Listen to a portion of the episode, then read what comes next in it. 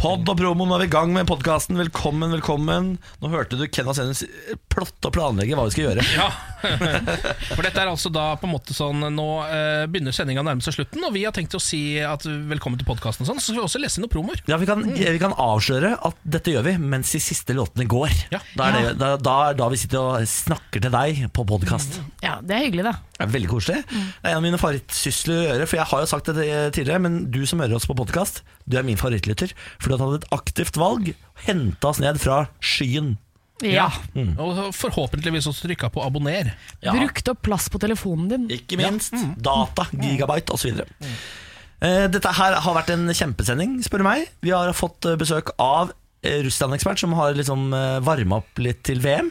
Ja, eh, Og så har vi også testa årets mest kontroversielle isprodukt, nemlig skyrisen. Jeg ble litt overrasket over at jeg ikke likte den. Ja. Ja, nå avslører Da er spoiler alert, da. Ja. Vi skal også snakke om spoiler alerts senere i denne Ja, for det var mye verre enn det dere gjorde. Ja. Jeg har nemlig, altså, det vi ikke har snakket om på radio i dag, er at jeg har spoilet uh, um, The Good Wife. Det syns jeg var verre. Det synes jeg faktisk var verre. Da fikk jeg oppriktig uh, dårlig samvittighet, Fordi jeg var helt sikker på at du hadde nå, altså, Når gjorde du dette? ja, Nå nylig. Ja, og så var det på en måte så stor eh, Jeg har jo sagt hvor jeg ligger an i sesongen også, så eh, uff, Ja. den var verre. Man burde visst det. Skal jeg fortelle Det var hva jeg nettopp fælt. gjorde? Jeg Tissa på skulle, nei, jeg skulle slikke meg på leppene, holdt jeg på å si. Og så fikk jeg tunga på mikrofonhetta. Du, jeg stakk faktisk mikrofonhetta inn i øyet mitt nå rett før eh, vi begynte her nå. Det var litt intenst. det ble faktisk kvalm på ekte. Det er veldig viktig å ikke få mikrofonhetta på noen av Jeg kroppens fikk den i svampelegemer. øyet. Ja, mikrofonen er da Ja, så nå den får du svarte. herpes, og jeg får øyekatarr. Du får pink eye. Jeg ble ikke det. Det som er, å, Ok, fy Sett i gang podkasten, da. ja, men jeg skal bare forklare For Mikketa er selvfølgelig den som, altså den som, som er utapå mikrofonen, som skal ta imot spytt og sånn. Eh, og den du bruker, eh, Pernille, bruker alle gjestene også. Det stemmer. Så du har på en måte slikka alle gjestene våre i munnen. Men da har jeg på en måte også kyssa med Bjørnar Moxnes. Ja, det har du. Det har du. Det er fint, da. Ja, ja det er noe å tenke på, det. Oh. Ok, vær så god, her er podkast. Morgen på Radio 1. Dette er Morgen på Radio 1. Her er Ken Vasenes Nilsen, god morgen. Ja, morgen. Her er Samantha Kristina Skogran, Ja, det stemmer. god morgen. God morgen. Og Niklas Johansen Baarli, god morgen. Her er, altså, vi er på en måte gjengen som mandag til fredag tar på oss oppdraget å stå opp tidlig på morgenen for å vekke dere andre der ute. Eh, I dag en god dag. Ja, er det det? ja, det vil jeg si. Ja, meget god dag personlig. Jeg eh, kommer ut av huset og kjenner aha, det er varmt fortsatt. Eh, jeg rekker å dusje, har god tid, lager meg til og med en kopp eh, reisekaffe. Og det er hyggelig. Eh, og når jeg altså, er oppe tidlig nok til å sette på kaffemaskinen slik at jeg får meg en reisekaffe, da blir dagen fire ganger så god som Det ellers. tror jeg faktisk på. Jeg tar ikke med meg reise, reisedrikke på sommeren, faktisk. Jeg- Sånn på høsten og vinteren Da syns jeg det er veldig deilig med en kopp te. Ja. Liten termos ved kopp te. Men Ja. eh, nå på sommeren så er det liksom Man tar det hjemme, da. Men det, jeg kan se for meg at det gjør dagen din bedre. Jeg tror det er det, det å, å føle at man har god tid og på kontroll på omgivelsene sine, mer enn selve smaken av akkurat den morgenkaffen. Det er det nok. Ja. Det er det nok. Ja.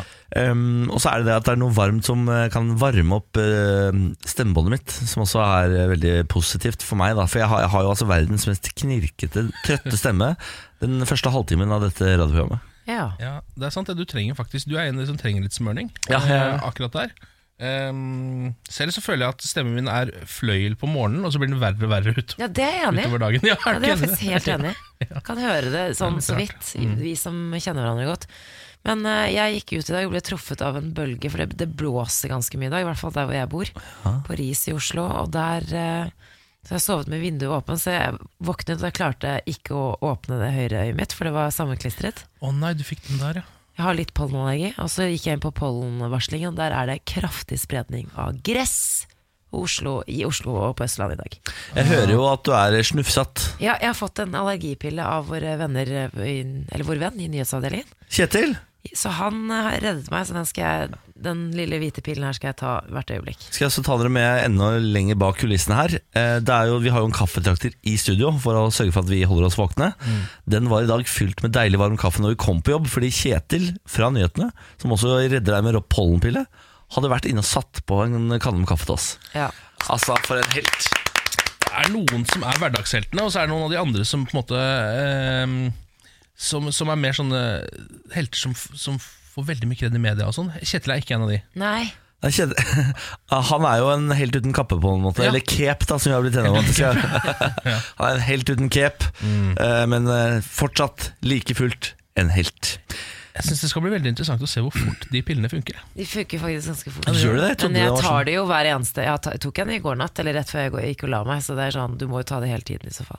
Ja. Ja, men det er jo, noen allergipiller er jo en slags sånn superpille. Folk, det fins jo folk som bruker det mot andre ting enn allergi også. Fyllesyke. Ja, men de funker ikke på meg, f.eks. Jeg kan ikke Nei. ta en ekstra pille og så bli mindre fyllesyk, for jeg har det jo i blodet hele tiden. Hele Ja, ja, det funker sikkert ikke, nei. Men man blir ganske trøtt av det, så jeg beklager om jeg eh, Tar jeg litt av blund underveis i et, uh, Ja. prat her. Jeg skal prøve å slutte å snufse, i hvert fall. Har dere sett den drikken som uh, visstnok skal kurere uh, um, bakfyll? Som han Tesla-ingeniøren har eh, laget? Er det han? Nei. Det er en Tesla-ingeniør som har slutta i Tesla og satte alle pengene sine på en sånn eh, hangover-drink. Som jeg får så mye reklame for i min eh, feed for tiden. Merkelig. er Hva du- kan det være? Du skal få det? Hvorfor skal jeg få det? Hæ? Jeg som aldri, jeg aldri ute og drikker. Eh, men den er altså den Jeg lurer på om jeg skal kjøpe en runde med den og prøve den, men det er så svindyrt, da. Men er det en sånn, De har den i Norge? Ja, du må bestille fra nett, da. og Få Ja. det på døra. Kan ikke du teste det? Jeg har lyst til å sjekke om sånt funker. Vet du hva, Vi skal teste Kan det her i det? programmet. Ja, Da det slipper syns jeg. betale for det sjøl. Det syns jeg, det synes jeg. Perfekt. Men skal jobben kurere din fyllesyke? Syns du ikke det? Eh, jo, kanskje. Vi er jo alle tjent med det. på en måte Så lenge det ligger en ok forbrukertest inne der et sted, så kan Ja. du finne ut av det. Det er akkurat det. det, er akkurat det. Eh, det er jo Altså nå har vi vært ni minutter på jobb her, Samantha. Det er onsdag uten at du har ropt ut hvilken dag det er. Det er lille lørdag. Det er lille Men jeg er lørdag. litt med altså, forbehold akkurat nå, for jeg må bare poppe en pille først. Ja. Pollenpille, altså. Samanthas form er foreløpig. Whoopity scoop. Ja. Det er ikke godt Fikk nok. faktisk eh, fritak fra eksamen en gang, fordi så heftig pollenallergi har jeg. Er det sant? Kan man få det? Ja? Ja, eller jeg fikk lov Er du til også å hun som alltid hadde mensen i gymmen hver eneste uke? Nei, veldig lite mensen, heldigvis. Jeg fikk nok med pollen. Du, ja, nettopp, Jeg skulle bare skyte på det. Morgen på Radio 1. Eh, Jeg tenker at vi kan eh, starte dagen med litt av dyrenyhet. Er ikke det litt ålreit? da? Jo, Jeg har ikke lyst på mjuk noe start. annet. jeg. Nei, ikke sant? Eh, mann og papegøye satte seg fast i tre etter denne saken. Eh, hva tror dere har skjedd her? Altså, her går det an å begynne å tenke litt. Grann. Jeg tenker sånn klassiker at uh, papegøyen hans har satt seg fast, og at eh, mannen uh, Kom klatrer etter. etter. Ja. Det er helt eh, riktig. Og Er det? logisk, sånn sett. Ja. Mm. Eh, Det som er, det her er en klassisk historie som kommer fra eh, en uh, brannmann. Ja. For Brannmenn blir jo ofte sendt ut på oppdrag som dette. Hvis dyr setter seg fast i trær, så er det brannmenn som er ute og ordner opp i det. Hvorfor det? Det har jeg aldri forstått helt. Jeg syns det er litt rart, jeg også. Eh, Men det er vel fordi det brenner ikke hele tiden. Nei, det er sant. Nei, altså, tenker jeg sånn Rent fysisk så er jo de i best form, kanskje. Ja. Men før i tiden, jeg vet ikke om det fortsatt er sånn, min far var jo brannmann, eh, så de dro også ut på sånn trygghetsalarmer. Ja. Hos gamle mennesker og sånn. Å, ja. Så var det alltid brannmenn som rykka ut. Ja. Brannmenn Why? er jo egentlig de ekte heltene, de tar jo for seg så mye. ja, De tar på en måte de store og små helteoppdragene. Ja. Eh, og i dette tilfellet så var det da Og de har ingen cape. Nei, de har ikke cape! De har ikke cape. Nei, det er Men sant, de det. har heldrakt. Det er, Ja, det er det. det er, de har uniform, men ikke cape. Det er på en måte et sted mellomstadie av helter. Ehm, så de har da fått en, eh, en telefon om at en fyr har, uh, har mista papegøyen sin. Eh, det er sånn det starta. Eh, men også at han selv da har løpt etter og også satt seg fast oppi dette treet. Nei, nei, nei. nei. Eh, han har heldigvis med seg mobiltelefon og ringer til uh, brannfolka, som kommer for å prøve å hente han igjen. Det som da skjer, er at de eh, klatrer opp i dette treet og får kroka tak i mannen og dratt han ned, men papegøya stikker av igjen. Så de får aldri redda denne papegøya, men får da egentlig bare redda mannen ned fra et tre.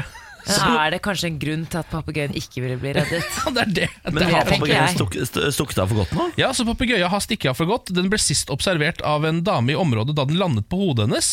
Eh, Men han stikket av derfra igjen også. Nei, nei, nei. Så denne store grønne ara-papegøya, som jeg eh, tror det er, er on the loose. Eh, Mannen er redda fri og kommer seg helskinna unna. Du tror det er en ara-papegøye? Ja, for Er det, er det en stor grønn papegøye, og så var det bilde av illustrasjonsfoto av Er det en en norsk ara-papegøye. sak også? Nei, dette er, det er ikke norsk. Den her er fra England. Ja, ja, ja Det er fra Storbritannia, dette. det høres for vilt ut å skje i Norge. Ja, det skjer aldri sånne ting Nei, i det skjer aldri sånt. Jeg var på møte i går eh, med de, mine nye naboer. Vi var på sånn informasjonsmøte, vi har kjøpt ny leilighet, sånn nybygg, og da driver de og samler alle som har kjøpt nybygg. Altså det var tvunget, altså. Det var tvunget, ja. Ja, absolutt. ja. Eh, for da skal jeg få vite om sånn, eh, hvordan jeg skal betale for leiligheten, hva slags internett vi får i leiligheten, sånne type ting. Eh, og så til, eh, helt på tampen av møtet, etter ja, la oss si en og en halv time, hvor ingen har snakket med hverandre, vi har bare hørt på folk, så er det Da trenger vi én til fem frivillige til å være med og overta utearealene på den og den datoen klokka åtte. Hvem melder seg frivillig? Ja. Helt stille. Altså helt Det var som om en bombe hadde altså, Det var rett etter en bombe, på en måte. Det var helt stille. Ja. Og så eh, Hva var det dere skulle gjøre? ta over utearealene. Det er sånn, Da skal man gå med byggherren og si sånn Ja, her har dere gjort som dere skal. Nå er vi villige til å ta over. Og da må du huske at i sånne situasjoner så er det såkalt, eh, ikke til forkleinelse for ditt eh, opphav, men Mexican standoff, som du kaller det. Eh, Hvem, jeg kaller det ikke det. Nei, det, er- Nei, det, er det er det, et uttrykk. det er det et uttrykk. Ja. Det er da når flere folk står med pistoler mot hverandre. Ja. Det kaller de Mexican Ja standoff. vel. Ja. Og det er jo litt sånn situasjon du plutselig havner i. Da. Ja. Og det, men det varer og rekker, skjønner du. Altså det, på et eller annet tidspunkt så tenker man sånn Nå er det noen som gir etter og sier sånn Jeg tar det, som bare tar den voksne avgjørelsen det tross alt er, og bare Det er greit, jeg kan ta den. Personlig så hadde jeg eh, cava for lengst hvis jeg ikke hadde hatt sending den dagen. For jeg er jo på her klokka åtte, så jeg kan Ja, ikke gjøre kan det. Det det. morgenen. Ja, så jeg kan faktisk ikke gjøre Det Det er verdens beste følelse når du ikke kan Ja da, men jeg, ikke jeg, men jeg får jo heller ikke sagt ifra jeg jeg sitter jo der i en slags skam allikevel og ser på at det er helt stille i rommet, og så sier hun en gang til. Vi trenger to til fem. I hvert fall to. Helst fem. Er det noen Helt stille. Ja. Og så til slutt så er det én dame som drister seg. Ja vel, da får jeg gjøre det, da. Og så er det sånn Ok, vi trenger fortsatt i hvert fall én til. Og det, Det blir helt stille. det tok sikkert jeg vil si, ti minutter å få det siste mennesket til å rekke opp hånda. Det var så pinlig og vondt. Det er det som er litt, kanskje litt, kommer til å bli litt synd med liksom, på en måte vår generasjon nå, som jo vokser opp og er de voksne plutselig, at vi er fortsatt barn. Ja, altså, vi er sånne som ikke vi tar i Hvis vi kan unngå sånne type eh, ting, så gjør vi det. Ja, men så er det så barnslig, for så blir man så sinnssykt fornøyd med seg selv når man faktisk stiller opp på noe. Sånn, ja, jeg eh, stilte opp eh, forrige i fjor på den dugnaden, så var det jeg som Jeg vet ikke om dere alle- husker det, men det var jeg, faktisk. Ja. Ja. Jeg blåste jo opp den kjellerboden den gangen, husker dere det? Det var det jeg som gjorde. Så nå er det faktisk ti år til jeg trenger å gjøre noe igjen. Jeg gleder meg veldig til neste runde nå. Det er bare noen uker til. Da skal vi altså velge styre.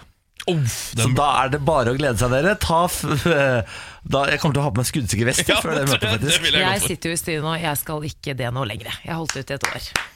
Du har faktisk tatt den. Du sitter i styret, vet du. Og jeg har allerede opplevd hvor mye vondt det har gjort med deg. Fordi du må ha vært på dugnad selv om du ikke har hatt lyst, f.eks. Nei, nei, alle må på dugnad, og det, men det er én gang i året. Alle må ikke på Styremøter er jo hele, tid, det er jo hele tiden. Hvor ofte har du styremøter? Nei, det har vært et, nå har det vært for ting en, Ja, mange flere for å få budsjett på plass. Du vil ikke høre om det, det er er- Kan jeg bare avsløre én ting for deg, Samantha? Ja. Nå er du uh, 29 år. Nei, 28. Snart, snart 29 år. Du må ikke på dugnad. Det er ingen som kan tvinge deg til å gå og dra på dugnad. Det er helt frivillig. Det er derfor det er dugnad. Ja, men jeg syns det altså, vi har, har du sett vinduene i huset vårt? Det er et akvarium, så sitter du der og trøkker i deg popkorn, så ser jo alle det. Vi bor midt i sameiet. Du må jo Dugnaden foregår jo utenfor vårt hus, liksom. Å ja, sånn ja. ja. Jeg skjønner. Trekker Ja. for alle gardinene, så bare Oi, jeg lurer på hva hun gjør, liksom. Ja. Ja, men Det er jo det jeg har gjort i alle år, da. Og så bestille seg litt av ferie midt oppi der. Ja, Ja. Det er ikke så dumt. Legg er ferie til ikke dugnad. Du veit jo når den kommer, for du er i styret. Ja, det er sant. Perfekt. Morgen på Radio 1. Eh, nå har det seg sånn at i morgen begynner fotball-VM. Eh, Å, herregud. Nå skjer det. Ja, nå skjer det, nå skjer det. Jeg føler nesten at jeg, Grunnen til at jeg hviska det litt, var at jeg føler at hvis jeg sier det høyt, så er det noen som kommer til å ta det fra meg. Eh, så er det nesten så jeg ikke tør å snakke om det. Men um, jeg tror det er mange som også lurer på, mange der ute som er litt sånn som meg, som er helt gale etter fotball-VM, som lurer på hvor mye kan jeg se uten at folk rundt meg begynner å reagere på det. Hvor mye kan andre kreve av meg nå som det er mesterskap, og det er bare hvert fjerde år. Skjønner du? Så jeg tenker at vi sammen her, nå er vi eh, to som er ganske opptatt av eh, fotball, og en som ikke er så opptatt av det, men som er ganske opptatt av mesterskap. Ja, det Spille stemmer. penger. Ja, nei, Ja, men på. å se på, å se på mesterskap Jeg blir veldig glad i VM Ja. og sånn. Ja. Og EM. Ja, ikke sant? Så du har en viss forståelse for at jeg også kan bli helt vill av det. Absolutt. Så nå synes jeg vi tre kan lage en liten guide til deg der ute som lurer på hvordan, eller hvor mye andre kan kreve av deg, og hvor mange ting du kan si nei til fordi du skal sitte hjemme og se uh, Tunisia-Panama, f.eks. Ja, jeg er jo av den typen som gjerne sier eh, ja til ting, selv om det er fotball-VM. For jeg er ikke så gæren som deg. Ja? Men jeg, eh, jeg har jo også da lite forståelse for at eh, folk som deg sier nei for mye. Ja, ja. jeg har altså ganske trangt toleransevindu på akkurat det. Jeg er, også, men jeg er også den typen som er villig til å ta det møtet, den ølen og den praten på en pub, så du får med deg Ja! kampen. Du er raus sånn sett, ja. Absolutt. Så jeg kan si på en måte sånn Ok, nå er det jo lenge siden vi har hengt sammen, vi skal gå ut og gjøre det, men kan vi gjøre det der og der, så jeg kan få med meg en eller annen middels kamp? Ja, hadde jeg svart da. Ja, ikke Ja. sant? Det er greit for meg. Og du må jo henge med folk som vet hvordan du er. På en måte Du, Ja. kan ikke, du må passe på at du ikke sier ja til folk som ikke kjenner deg så godt. Ja. Men man blir liksom, det er litt vanskelig det også. Ja, eh, noen spesielt når det er juni og sommer og hygge. Ja, og nå skal jeg for eksempel på en liten ferie eh, sammen med de, familien min. Um, Ja. Og der, De kjenner meg jo meget godt, og sånn Og mamma har sagt sånn Jeg vet at du kommer til å være helt vill og sitte og se på Vi skal til en tur til Kreta, uh, må vite. Det er konge, da. Ja, Helt nydelig, det. Uh, og da, uh, vet, Mamma har allerede sagt sånn Jeg vet at du skal se mye fotball, og sånn Og det skal du få lov til. Og det, der ligger det en viss sånn Hun er klar over det, men jeg lurer på det var, dårlig, var det dårlig timing med familieferien nå? Eh, jeg, jeg, mm, Helt ærlig, bitte litt. Men, men har mamma Vasenius tenkt på at uh, den hovedkampen på kveldene går jo når dere skal spise middag? Ja, eh, Det tror jeg ikke hun har helt tenkt gjennom. For den starter vel åtte eller ni, eller? Ja, ja den er midt, det er midt i er midt i middagsgryta. Ja. Oi da. Eh, Så det, ikke sant, allerede, og det er, altså det er jo t I starten det er jo helt loco, for det er jo tre-fire kamper om dagen. Ja. Og, hvis man sitter og ser alle de, så har man jo ikke noe liv. Det er det man gjør. Det er det, da må man uh, dedikere hele livet sitt til å se på fotball. Hvor er det fotball-VM går i år? Er det TV 2 eller NRK? eller? Begge to. Begge deler. Begge to. De De deler. deler det. De deler sånn er det. Ja. Um, så allerede der er det en liten sånn derre Hvor mange sånne middager kan jeg droppe fordi jeg skal se uh, fotballkamp? For eksempel. Jeg mener jo at på ferie med familie så er det mye man kan droppe, men ikke middagene. Det er, sånn er det vår familie i hvert fall. Ja. Når, vi er, når jeg er på ferie med mamma, og sånn, så er det sånn Gjør hva dere vil på dag og kveld og sånn, men akkurat middagene, da er det fint at vi samles. Ja, Så de, akkurat de klokka åtte-ni-kampene burde jeg Kan det hende jeg må droppe noen av, da? Er det det du Hvis, jeg hadde, hvis vi hadde vært brødre, for eksempel, Ja, da sånn hadde, jeg nok, da hadde jeg nok pusha deg litt på det, ja. Ja. Men jeg hadde også pusha mutter'n på at vi fant et sted hvor det var i hvert fall en storskjerm. Og det Ja. gjetter jeg på at det er på alle restauranter i hele Kreta. Ja, det tror De har jo, for det første har de bilde av maten, sånn at du slipper altså du, du, kan, du kan ta menyen opp ved siden av storskjermen, sånn at du ikke går glipp av noe. Du, du slipper å lese, du kan bare titte fram og tilbake fra meny til skjerm, og så bare Der er det noe eh, plankestek, den tar jeg. Ja. ja, men Det er godt å høre det. Jeg synes dere virker ganske for å oppsummere, ganske rundhånda på dette. Ja. Eh, og da vil jeg jo si til alle der ute Hvis du blir på en måte tvunget opp i et hjørne hvor du ikke får se like mye fotball som eh, du vil, så er det fordi vennene dine ikke er rause nok. Nettopp. Det er det som er svaret. Ja, det er det som er svaret. Hvis legger Det er ikke opp på deg, det er vi vennene opp! Var ikke det genialt? Det er, det, den ordna vi greit. Ja, det synes jeg også. Vi vant Bocuse d'Or i går, vi. Ja. Norge vant Bocuse d'Or Europa. Hva er dette Bocuse d'Or? Du, det er eh, Bocuse d'Or eh, Verden er VM i kokkekunst, egentlig. Ja. Eh, verdens beste kokk blir kåret. I går så var det Europamesterskapet, EM i Bocuse d'Or, og Norge stakk av med gullet. Så vi har Europas beste kokk her i Norge. Christian André Pettersen, gratulerer Bodø-kokken! Med sitt kokkeapparat med, som da lagde Jeg har eh, menyen her. Det ble bl.a. blant annet en risotto, en lettstekt fasonekjøtt. Har aldri hørt om engang. Fasone? Ja, F-A-S-S-O-N-E. Aldri hørt om. Nei, fasonekjøtt og mandelpoteter fra Nord-Norge. Det Ja. ser helt Altså, det, det ligger noen bilder på nrk.no du kan gå inn og se på, som ser helt sinnssyke Ikke ut. noe dessert? Eh, dessert, ja, skal vi se. Hva er det som var det, det er noe eh, Chateaubriand jeg- Og, og, og den, ja. Den er så god. Ja, det er hovedretten. Og så posjert egg, bakt squash og urte... Jeg klarer ikke å uttale det engang. Det er helt bajas.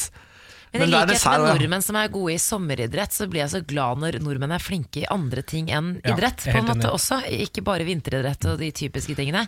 Det er veldig kult at vi har en kokk som er så flink. Ja, vi, har mange, vi, har jo flere, vi har jo flere som har vært i finalen før, men ikke vunnet. Vi har nå en kokk som er med i uh, Farmen kjendis. Så gode er vi på kokk. At Ja, vi har, og han har vi nesten ikke hørt om før. Ja. På en måte. Ja. Eh, La meg bare ta vinnerlista, for det, det er det som er det deilige her. Gull, Norge, sølv, Sverige. Ja, det, det smakte godt. Ja, Bronse, Danmark. uh, og da mener jeg takk for oss. Mm, takk for Takk for oss. Takk for oss, takk for oss. Norge, Norge. Når ting ikke fungerer Jeg har fått meg en rutine etter jobb. Ja vel. Ja, Hver dag når jeg kommer hjem, så lager jeg meg en sandwich. En ganske heftig sandwich. Eh, hvis dere lurer, så er det enten da peanut butter and jelly, altså syltetøy og peanøttsmør, eller eh, hva kaller man det? Ja, det er det man Det kan er det man kaller det. Og, eller uh, leverpostei, eller skinke, eller hva det enn måtte være. Og så setter jeg meg foran TV-en for å se en episode av Badehotellet. På mandager, det har kommet ny sesong nå, på mandager så kommer det altså eh, Det kommer en episode per uke, så du må faktisk vente en uke mellom hver episode. På mandag så satte jeg meg ned, episoden var klar, sumo var klar, alt var klart. Men så var det ikke norske tekster. Dette er jo en dansk serie. Ja. Oh, for Og jeg fem. forstår dansk, jeg gjør det, men du må konsentrere deg veldig hvis du skal få med deg alt det de sier. Ja.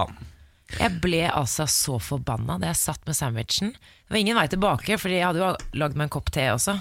Og Ja, da som jeg altså, alt var bare klart. Så jeg, mener, jeg liker ikke når du må bruke tid på å komme inn på Netflix. Du kan ikke se noe annet. Nei, nei, nei. Nei. nei, nei, nei, nei, nei. Og da gikk jeg rett inn på kundeservice. Tenkte jeg nå skal jeg få tak i noen. Nå skal jeg få tak i noen Og det bruker du tid på istedenfor å bytte serie. Ja, ja. Kjørte du chatten, eller? Var det? Takk Gud, jeg elsker sider som har chat. Ja. Gikk inn på chatten. Hei, Johanne. Hei, Johanne. Eh, det fins ikke tekster på Badehotellets nye episode. Og da var hun, hun var helt fortvilet. Så jeg ble ikke sur, for hun sa vet du hva, jeg skal ringe ned til teknisk og få det ordnet med en gang. Så at jeg ventet i ti minutter, restartet episoden, og der var det tekster. Nei, Johanne! Tenk det!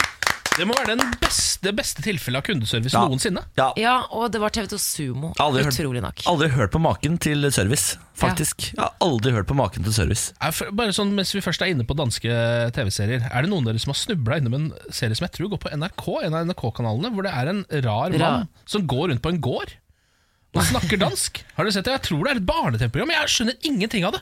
Nei, Han ja, du går bare ut og og ser på bare det? Fair and fix, og så lager han en trapp, og så plutselig kommer det en gris som han klapper litt på, og så, og så er det noe rockemusikk i bakgrunnen. Det er et kjemperart program! Ja, men- det heter noe sånn der Bonderøven, eller Kan noe sånt. bare, for din egen eh, skyld og rykte og renommé, Ken ikke snakk høyt om at du ser på barne-TV lenger. I, en alder av 36 ja. er på en måte barne-TV Det er ferdig nå. Eh, Ja, jeg er ikke sikker på om det er barne-TV, heller. Det er såpass absurd. Det er nok det, skjønner du. Ja, Det er nok det. Bonderøven, tror jeg det heter. Røven. Ja, jeg er sikker på det. Nei, det er, ikke snakk om det. Nei, Ikke om det. Jeg så hele Klovn på dansk uten tekst, fordi jeg hadde kjøpt eh, DVD-pakken i eh, Danmark. Var rimelig rå på dansk etter Ja, eh, men der er det ganske mye visuelt. Du trenger ikke å forstå hva de sier. Ja, men si men det det sånn. går ganske unna. Altså. Bye, bye, bye, bye. Hver gang en bokser går ned, så begynner man å le. Det er jo stort sett sånn det programmet ja, funker. oh, ja, okay. Jeg beklager at det er ikke like høyintellektuelt Som som, Bonderøven, eksempel. eller som Badehotellet på TV2 Sumo. Det beklager jeg. Men så er det Bonderøven! Ja. Dette er morgen på Radio 1. Ken, du snakket jo om et eh, NRK-program som du har vært borti, eh, som handlet om en, bonde. Du lurte på om det var et Ja. barne-TV-program. Du syntes det var litt merkelig. Ja. Jeg har fått en melding fra Marianne. Hei, Ken. Jeg kan opplyse om at Bonderøven Ja, er, et, er et fantastisk, litt sånn sakte-TV-konsept der man følger bonden Frank, der han jobber med å bygge opp og utvikle en gammel gård han har kjøpt. Åh, men Det var litt betryggende faktisk at det ikke var barne-TV, Ken. Ja, Ja. ja, men da har de et annet formspråk i Danmark. Fordi det er liksom sånn barnslig musikk i bakgrunnen. Og det, er- jeg Ja, ok. føler at det er rettet mot barn, men kanskje det er sånn danske voksne liker det. Ah, ja. Takk for oppklaringen, eh, Marianne. Ja, ja. Eh, De Niro versus Trump. Eh, Under teaterprisutdelingen Tony Awards for eh, noen dager siden holdt filmstjernen Robert De Niro en litt, liten sånn politisk rant, om du vil. Da han sto på scenen. Eh, Uttalelsen ble sensurert av TV-kanalen CBS fordi det ikke er lov å bruke banneord på amerikansk TV mellom seks og ti på kvelden. Vi kan jo høre litt hva han sa. I'm gonna say one thing fuck Trump.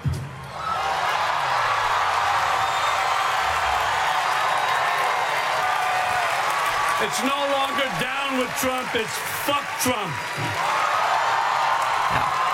For å oversette sier han altså Jeg vil bare si én ting, fuck Trump. Det er ikke lenger ned med Trump, det er rett og slett bare fuck Trump. Det sa De Niro med knyttede never fra scenen. Ja. ja, det er jo øh, Jeg begynner å bli sliten av at øh, hele Hollywood skal drive og mase på Trump. Ja, men nå skal, dere høre, nå skal dere høre. For det, nå, presidenten eh, han reagerer selvfølgelig, eh, og som vanlig skrev han akkurat det han mener på Twitter. Han skrev eh, følgende i går. Robert De Niro, et individ med veldig lav IQ. Han har, han har fått altfor mange slag mot hodet av ekte boksere i, fil i filmer. Jeg så han i går kveld og tror oppriktig at han kan være svimeslått, skriver presidenten. Han skriver videre at De Niro ikke innser at økonomien i USA er bedre enn noen gang.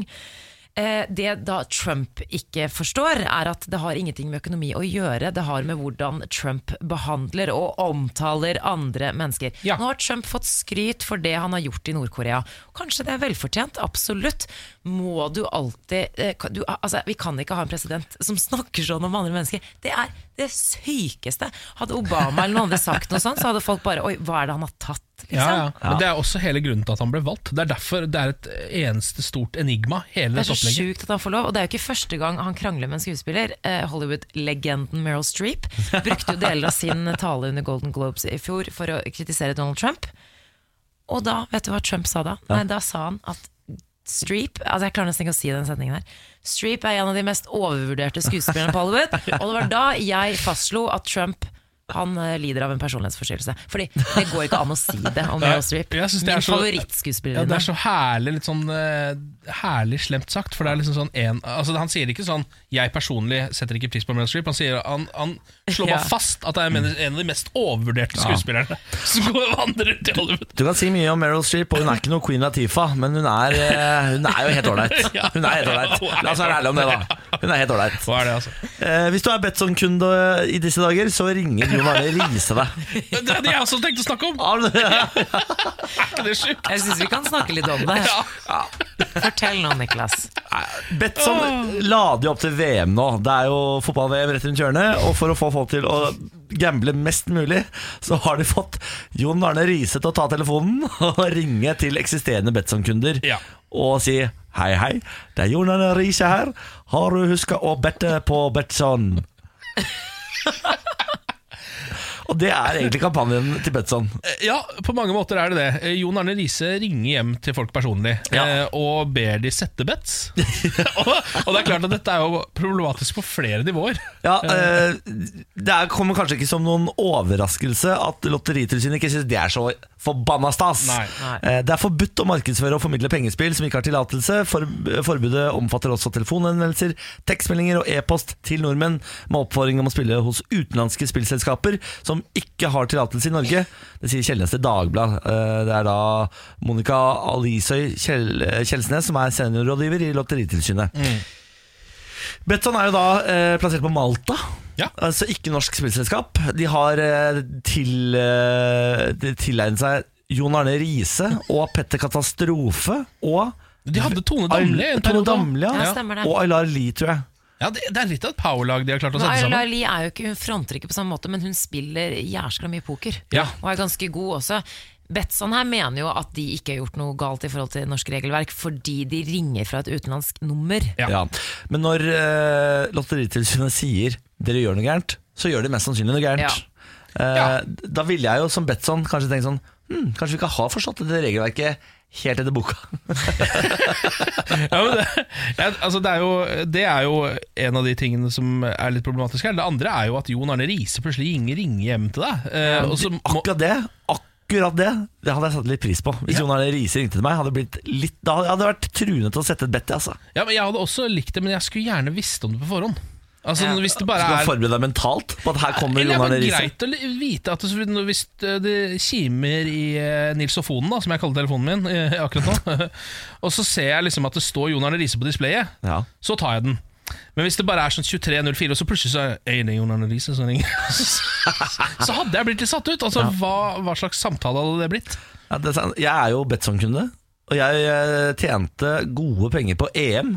Jeg har store planer om å tjene store penger på VM, men det er kun om Jon Arne Riise ringer meg. Ja, vet du hva, Jeg blir Betson-kunde nå, jeg. Ja, altså Jeg kommer ikke til å sette et bet før Jon Arne Riise har ringt meg Ja. og sagt du skal sette bet. Da skal jeg sette alle, penger, alle sparepengene mine Ja. rett inn på Betson, og på, jeg setter alle pengene på Saudi-Arabia. Men, så, så dette funker, altså? Jon Arne Riise-stuntet funker på dere? Absolutt. Ja, jeg lurer på om det gjør det. altså Oi, oi, oi. Okay. What's not to love? Det er Jon Arne Riise som ringer deg. Ja. Det hadde vært enda litt råere hvis det var John Carew. Men, ja, eh, men si. Han, flyr jo rundt på en sånn kasinoluftballong ja, på TV. Det er Command Casino, er ikke det? Sånn. jo. Heia idretten. Han driver Heia dugnadsånd. Boller inni trompeter og sånn. Det er det han driver med. ja. Våre beste menn, våre beste menn. Morgen på Radio 1. Hverdager fra 6. I går så eh, møttes jo Trump og Kim, det har vi jo vært innom eh, allerede. Men det vi ikke har snakka om, er den eh, elleville eh, promofilmen som Donald Trump hadde med seg og spilte for, eh, for Kim og øvrige delegater borte på dette møtet. Eh, er det noen som har sett den filmen? Jeg har, sett, jeg, jeg har bare sett eh, sånne skjermdumper av den. Jeg har ikke sett filmen. Nei. Eh, vi kan høre litt lyd fra denne filmen, som da han også bare fyrer opp på storskjermene mens eh, alle sitter og følger med, og det fortsatt er toppmøte mellom eh, Donald Trump og Kim Jong-un. Destiny Pictures presents a story of opportunity, a new story, a new beginning, one of peace, two men, two leaders, one destiny. A story about a special moment in time when a man is presented with one chance that may never be repeated. What will he choose? To show vision and leadership? Or not? Ja. Eh, denne her ble da først spilt av på engelsk og så på koreansk, uh, så Kim fikk med seg alt som ble sagt der. Destiny Pictures presents. Um, og så på helt på slutten der så kommer jo det åpne spørsmålet. Uh, vil han da ta en moden og god lederavgjørelse? Eller ikke? Det er en ledende, ledende spørsmål. Det er veldig ledende. Ja. Jeg tror Kim, som jo har sett nok amerikansk film, skjønner hvilken vei eh, han burde gå her. Ja. Etter å ha sett dette. Det er vel noe, I det han sier sånn or not, så er det vel også noen bomber som faller på skjermen der. Ja, det er riktig. Og så kjører de også noen sånne triks med på en måte raketter i revers. Altså raketter Ja. som lander istedenfor at de blir skutt opp. Ah, flott, flott for å vise ja. Han er jo glad i amerikansk kultur, Kim Jong-un. Det er vel derfor uh, vi har lagd en parodisk sånn amerikansk filmtrailer her. Sånn at vi skal treffe Ja. han rett i hjertet. ja, det er jo på en måte eh, en centimeter unna sånn In a world Ja. where Altså sånn Men det er litt sånn ironisk, fordi eh, Kim Jong-un tillater jo ingen i landet sitt å se på amerikanske filmer. Nei, det er jo bortsett fra han selv, da. Mm. Eh, det har Sam- vært, Men samme med Osama bin Laden. Han også så jo masse amerikanske filmer. Ja, ikke sant? Mm. Hata amerikansk kultur, men hadde, hadde jo 64 amerikanske filmer på uh, datamaskinen sin. Ja, men det kan ikke, jeg kan jo kjenne meg igjen. Jeg er ikke glad i Kardashians eller hva de står for, men jeg liker jo å se på det. Ja, ja, ja, ja, ikke sant? Ja. Eh, og nå skal jo Kim Jong-un besøke uh, Trump for første gang. kan bare Jeg snakker om Osama bin Laden, og sier de 'jeg kan jo kjenne meg igjen'. Jeg, altså, vi er jo bare alle mennesker. Vi er alle mennesker. Ja. Ja, men det er, ja, På en side så tenker man jo at Trump har gjort hjemmeleksa si og funnet ut av hva som kan trigge Kim, da Ja. og hva som kan på en måte være med å spille på følelsene hans. Samtidig så, så er det liksom så platt. Hvis jeg hadde blitt levert dette eh, på et firmamøte, bare Altså ikke Ja. et politisk toppmøte, men bare et helt vanlig lite sånn jobbmøte, så har jeg tenkt Kristus Jemini, dette går jeg ikke med på. Nei, jeg stoler ikke på Jeg stoler ikke på denne mannen som har gitt meg dette. sant. Nei, ja, han øh, Altså, jeg har også en, en annen observasjon rundt Kim. Fordi han har jo gått på skole i Sveits. Ja. Han kan svensk Nei, Sveits. Nei, han kan tysk, engelsk og eh, da koreansk. Hvorfor har han tolk? Hvorfor later han som han ikke kan engelsk? Det er kanskje for resten av eh, gruppa hans, da. Ja, for han kan- men, nei, fordi Møtet med han og Trump Da var det jo bare to Det var bare de to og de to tolkene. Ja. Nei, de Why? hadde med seg en de hadde, Det var ikke bare de to, det var jo fire stykker, altså, og så to tolker i tillegg. Ikke det første, når det bare var de to, hvor det ikke var protokollføring og sånn. Da var det bare Trump og Kim og to tolker. Ja. Why? ja, det er sant, det. Men kanskje han eh, ikke syns engelsken er god nok, da. Det kan hende. Altså, kanskje han er flau på engelsken, da. Ja, for jeg har sett noen dokumentarer Da står han bare og snakker med Dennis Rodman også Ja. Uten tolk, på en måte Ja. Men det er Og Dennis Rodman kan mest sannsynlig ikke koreansk. Nei, det tror jeg, det tror jeg ikke La oss være ærlige om det. ja, la oss være ærlige om det Nei, Vi får se, spennende å se hvordan dette går Det er jo noen som sier at dette her er enten det dummeste man har sett noen gang Eller så er det en, en ny, eh, genial eh, måte å gjøre politisk markedsføring på Du, Det er ofte høyt tempo i dette radioprogrammet, men også i hverdagen, og derfor har vi behov for å roe oss litt ned. Skal vi ta en tur? Ja takk. Tenketanken. Velkommen inn i Tenketanken. Dette rommet er dekket med puter fra tak, vegger og gulv, og de er hvite og gode og myke. Her inne har vi på oss pysjen mens vi snakker om store og små ting. Alt er lov, og ingenting er farlig. Ken og Niklas, tenk dere eh, Vi skal litt inn i sånn superheltverden. Dere får to eh, valg. Vil dere eh, hatt evnen til å, å plutselig bli usynlige? Åh, Eller eh, være tankeleser hele tiden? Oi! dette har jeg tenkt overraskende mye på faktisk tidligere. Ja. Jeg har tenkt på en måte mer på type være kjemperask eller kunne fly og sånn. Ja. Sånn, ja. For dette her er jo disse to du drar fram nå, Samantha, er jo på en måte litt sånn eh, stalker-superheltegenskapene. Nettopp. Det er litt, litt eklere egenskaper å ha enn bare sånn 'jeg kan fly'. Hva, er, er, hva heter den filmen hvor han plutselig blir usynlig? Hvor han eh, driver og ser på folk i dusjen og sånn? Altså Ghost? Nei, det er en, eh, ja, en sånn TV3 på søndager-film på eh, ja, på ja. 2000-tallet. Ja, fankeren, hva heter det? Jeg husker ikke hva den heter. Samme det. Samme det. Men han, eh, det virker ikke noe hyggelig å være usynlig. Han, det ender jo veldig dårlig for han etter hvert. Men det virker, jeg husker jeg så en veldig dårlig Mel Gibson-film, What Women Want, hvor han plutselig får evnen til å høre hva alle kvinner tenker. Også ganske slitsomt. Ja. Ja. Fordi det tror jeg hadde drept meg. Og skulle måtte vite hva alle tenker hele tiden. Fordi jeg tror såpass mange mennesker har såpass vonde tanker om såpass mange andre at jeg tror man hadde blitt helt sånn utslitt av å vite hva alle tenker Ja. i til enhver sammenheng Men- og situasjon. Tenk å bli eh, idrettsutøver da, eller noe, eller politiker eller sånt, og alltid være ett skritt foran motstanderen din. Ja. Det, det må være så deilig. Da blir man jo genierklært, rett og slett. Ja, du for får da er man jo et geni. verdensherredom. Ja. Og så kan man jo Det er jo ikke sånn at dette står på hele tiden. Hvis du er en superheltkraft, så kan du jo styre den. Hva kan Du du skrur jo på gjerne hjerne... Ja, nå tenkte vi at den tankelesergreiene Det er jo konstant. Er det konstant? Men det jeg hadde tenkt er at jeg hadde blitt politiker, eh, president, idretts, et eller annet eh, med stor standing, så hadde jeg faktisk eh, gjort, ja, blitt et geni. Kjøpt meg et palass og bare da isolert meg fra andre mennesker. Kanskje tatt med meg en eller to mennesker Mm. Men det du blir ikke lykkelig i det palasset? Jo, jo. Blir du det? Jeg har min egen McDonald's der inne. Ah, Ja da. da må du alltid få vite hva de folka som jobber på McDonald's tenker når du kommer og sier sånn Nei, Tre quarter pounders. Så, så får du alltid tilbake sånn Tre quarter pounders igjen? Spiste jo faen meg i går, da. Nei, men jeg har roboter jeg som kjører frem og tilbake. Så tenker sånn, Hun er den eneste kunden vi har. Ikke lov å le. Nei, Nei, beklager. Nei, jeg, og jeg har jo litt lyst til å være usynlig, og tenk deg så mye gøy du kan se. Hvis du er Shawn usynlig. Mendes? Du kan se Sean Mendes. Du kan se, jeg, hadde jo, jeg, hadde jo, jeg hadde jo blitt verdens største creep. Hadde jeg blitt Det er det jeg mener, for bortsett fra alle de stalker-tingene, hva kan man egentlig bruke det til? Altså Det eneste jeg kommer på, er sånn hvis lisenskontrolløren kommer på døra, så er du plutselig bare borte.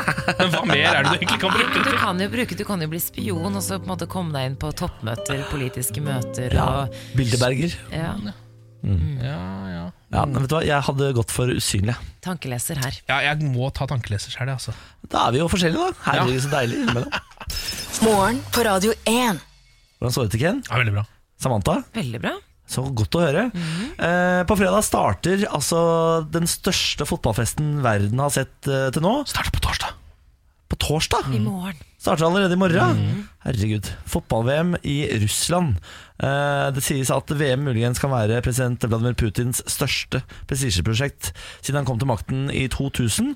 Og i en ganske turbulent eh, tid så skal eh, nå altså, hele verdens øyne rettes mot Russland og hans rike igjen.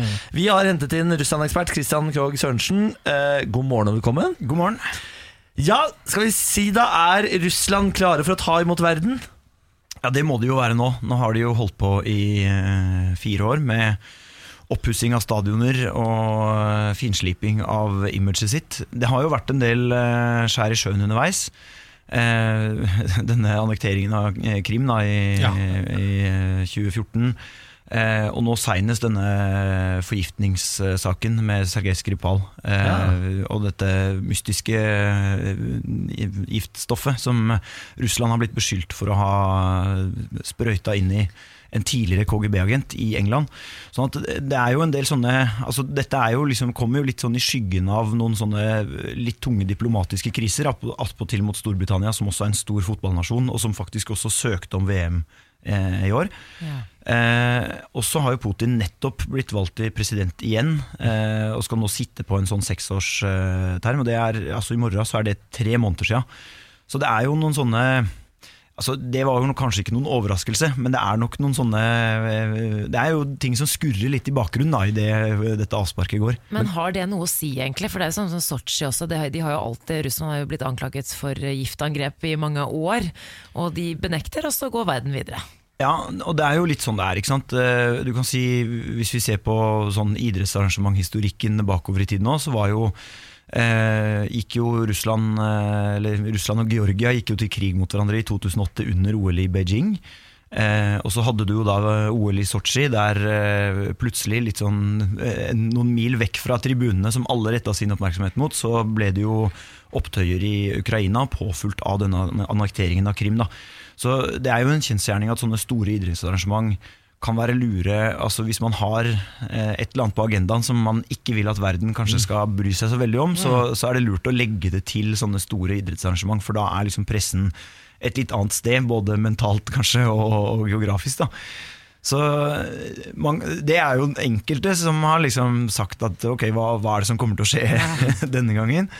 Eh, men på den annen side så kan du jo si at, eh, og, det må man jo virkelig håpe, da, at et sånt eh, idrettsarrangement som VM er en mulighet for å få glatta litt over eh, sånne spenninger og vanskeligheter som er internasjonalt i dag.